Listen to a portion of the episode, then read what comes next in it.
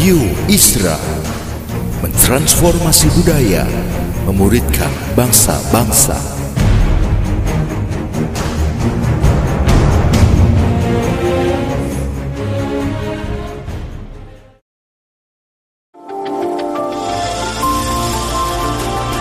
Voice of Pradaim menyuarakan paradigma kebenaran firman Tuhan yang esensi untuk memperlengkapi Anda menggenapi misi dan panggilan ilahi. Selamat mendengarkan.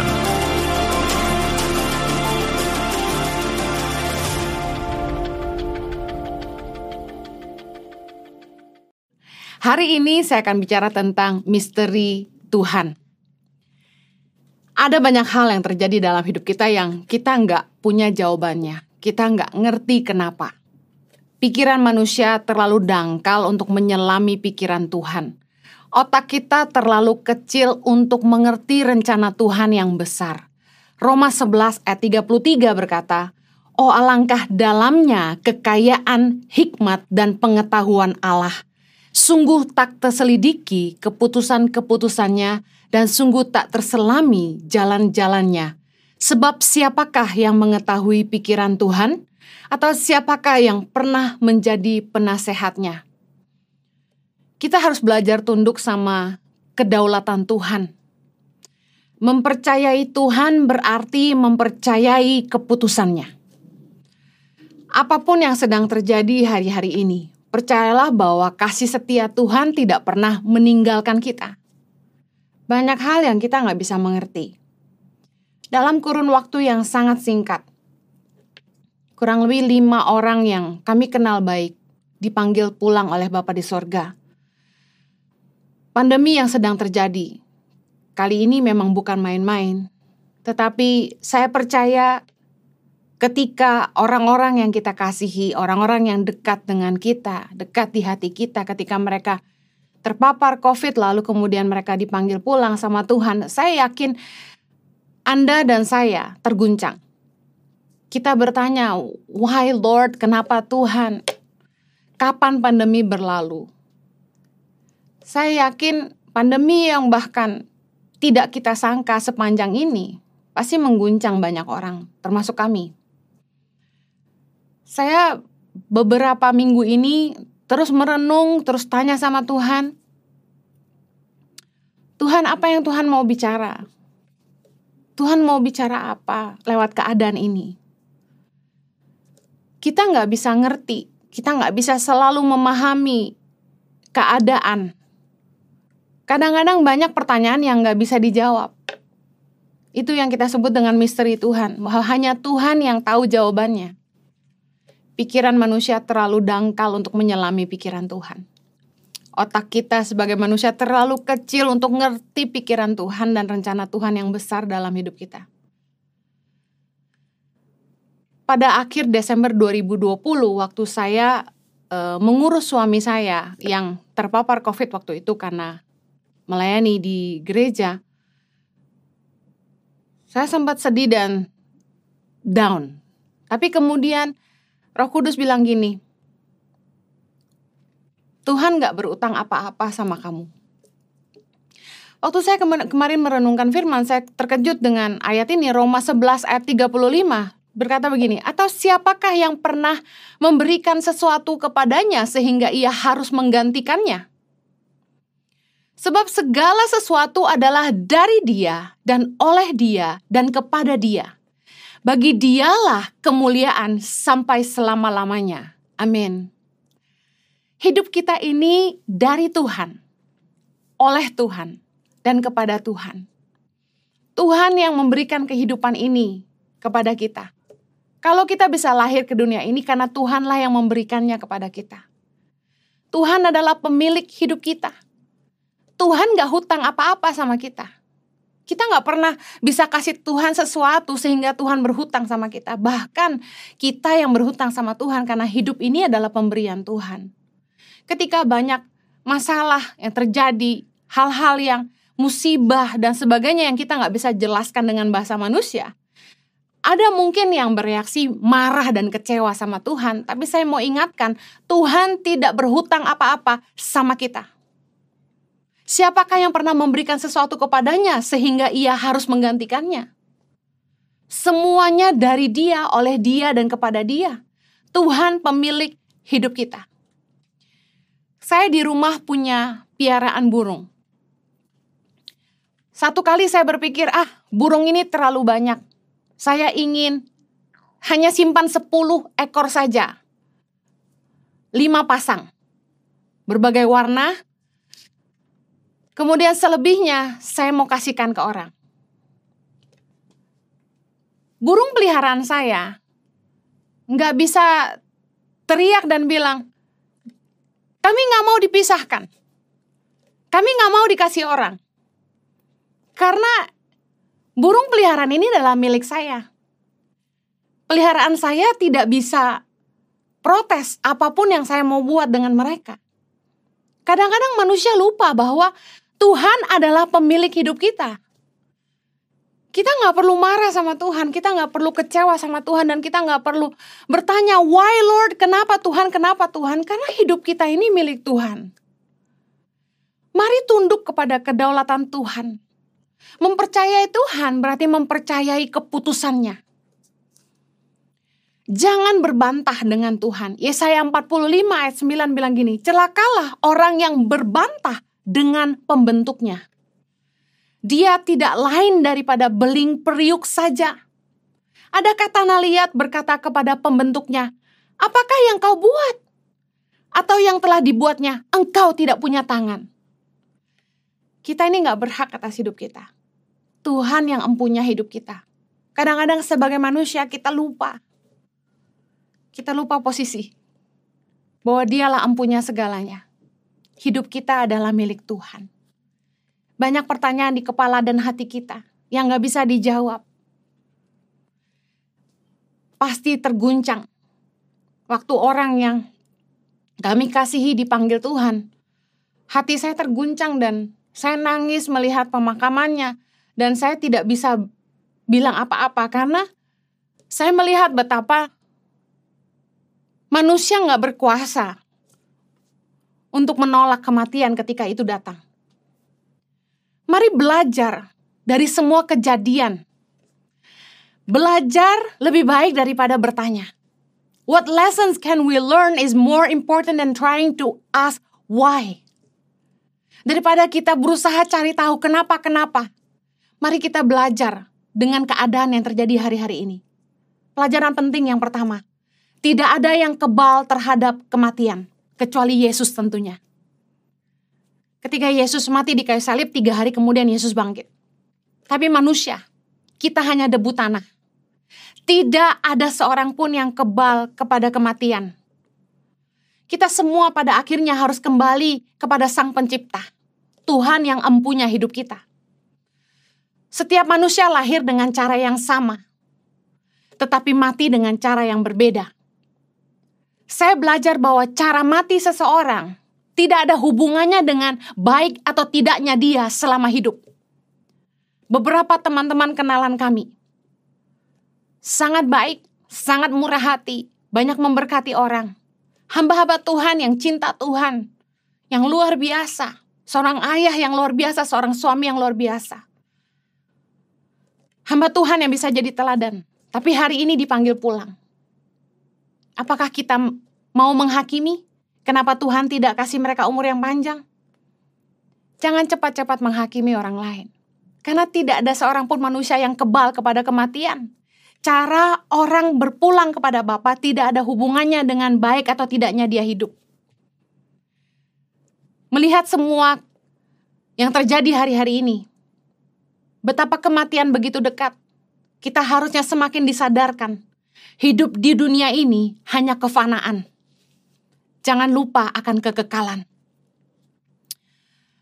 Kematian menyadarkan kita bahwa ada kuasa yang lebih besar yang memegang kendali hidup kita. Jangan hidup seolah-olah hidup ini milik kita sendiri. Tuhan adalah empunya hidup kita. Kalau kita masih bisa bangun setiap pagi, jangan lupa bersyukur Jangan tidak hargai hidupmu. Karena Tuhan begitu bermurah kalau kita masih bisa membuka mata di pagi hari. Saya percaya bahwa pandemi ini mengembalikan kegentaran manusia akan Tuhan. Betapa banyak kejahatan di muka bumi. Betapa orang sudah lupa sama Tuhan. Berbuat jahat nggak ada takutnya. Banyak orang yang menyimpang dari jalan yang benar, bahkan tidak percaya bahwa Tuhan ada. Pandemi ini melanda seluruh bumi, bukan hanya satu kota, bukan hanya satu negara. Kuasa sebesar apa yang sanggup melakukan semuanya ini kalau bukan tangan Tuhan yang sanggup menghentikan semuanya? Pada akhirnya, keadaan ini di luar kendali manusia. Uang, teknologi, kecerdasan, pengetahuan tidak mampu menyelesaikannya. Tidak ada satu manusia hebat yang bisa menyelesaikan masalah yang ada saat ini. Dan kita semua kembali diingatkan bahwa ada satu tangan yang mampu menghentikan semuanya, yaitu tangan Tuhan. Pandemi ini mengembalikan kegentaran kita akan Tuhan. Mazmur 33 ayat 8.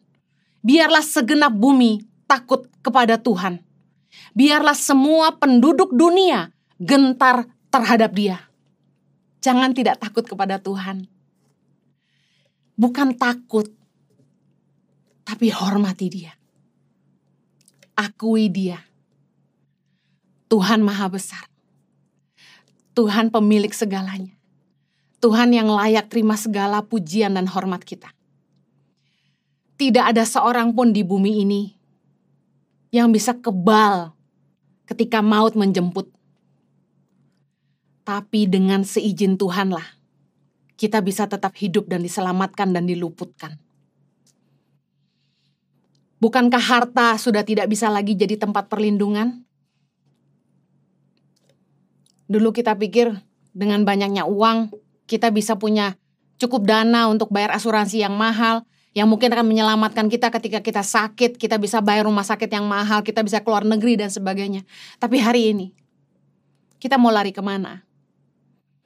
Harta sudah tidak bisa lagi menjadi tempat perlindungan kita. Kita harus kembali kepada Tuhan Ayo jangan lagi bikin Tuhan marah. Mari kita sungguh-sungguh merendahkan hati dan sungguh-sungguh memanggil Tuhan. Mari orang percaya satukan hati dan berdoa bagi bumi. Mari berdoa minta belas kasihan Tuhan supaya Tuhan menolong kita, meluputkan kita, bahkan menghapuskan segala pandemi yang terjadi saat ini. Jangan pernah menyerah. Mari terus berharap kepada Tuhan. Dia yang ampunya hidup kita. Tidak ada satu orang pun yang kebal kepada kematian. Kita semua harus belajar menghargai setiap kasih karunia yang Tuhan berikan dalam hidup kita. Pelajaran apa yang kita bisa petik? Yang kedua, kita harusnya bijak dengan hidup kita. Mari syukuri hidup yang Tuhan beri. Hargai waktu yang masih kita miliki. Hargai waktu yang Tuhan kasih. Kalau kita masih bisa berkumpul bersama dengan orang-orang yang kita sayangi, orang-orang yang kita kasihi. Kalau kita masih diberi kekuatan untuk melayani, mari lakukan semuanya dengan sukacita dan sepenuh hati. Bersyukur untuk kesempatan yang Tuhan masih kasih untuk kita hidup di bumi ini. Mari bijaksana dengan hidup kita. Mari bijaksana dengan waktu kita. Kemarin waktu salah satu teman baik kami, seorang hamba Tuhan juga dipanggil Tuhan. Dia meninggalkan seorang istri dan satu orang anaknya. Saya nggak kebayang gimana perasaan istrinya.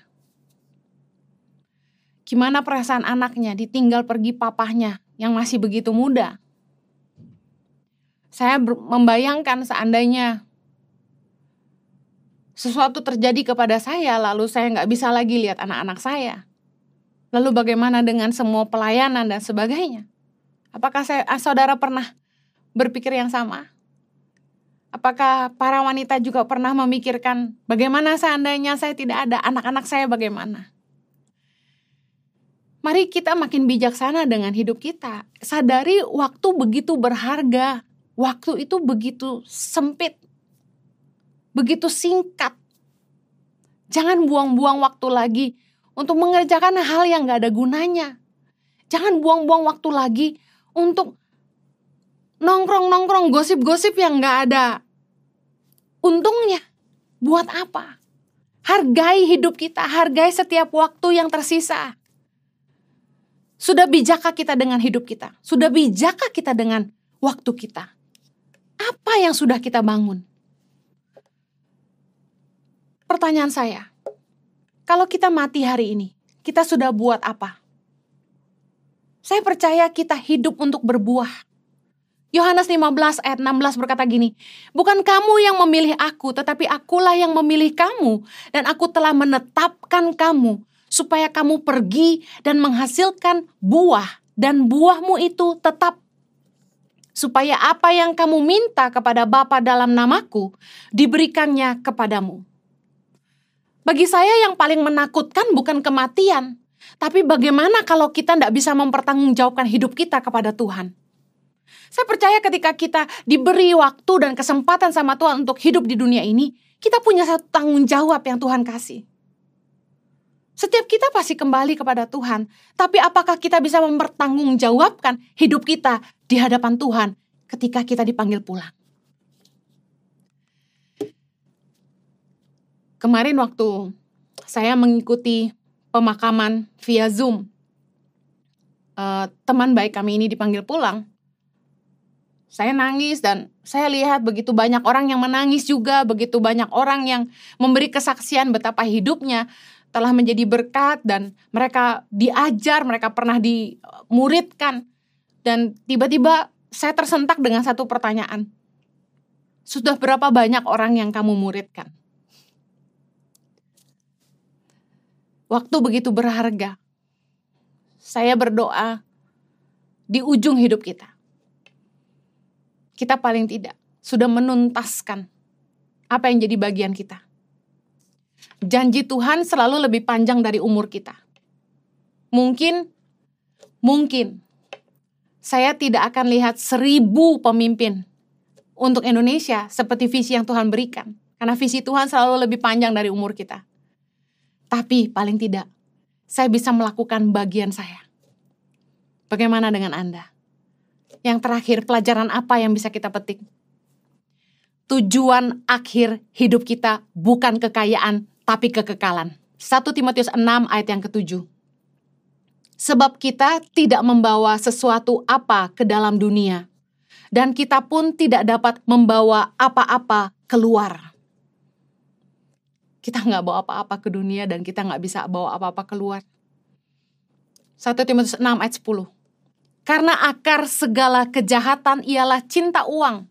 Sebab oleh memburu uanglah beberapa orang telah menyimpang dari iman dan menyiksa dirinya dengan berbagai-bagai duka. Ayat 11, Tetapi engkau, hai manusia Allah, jauhilah semuanya itu.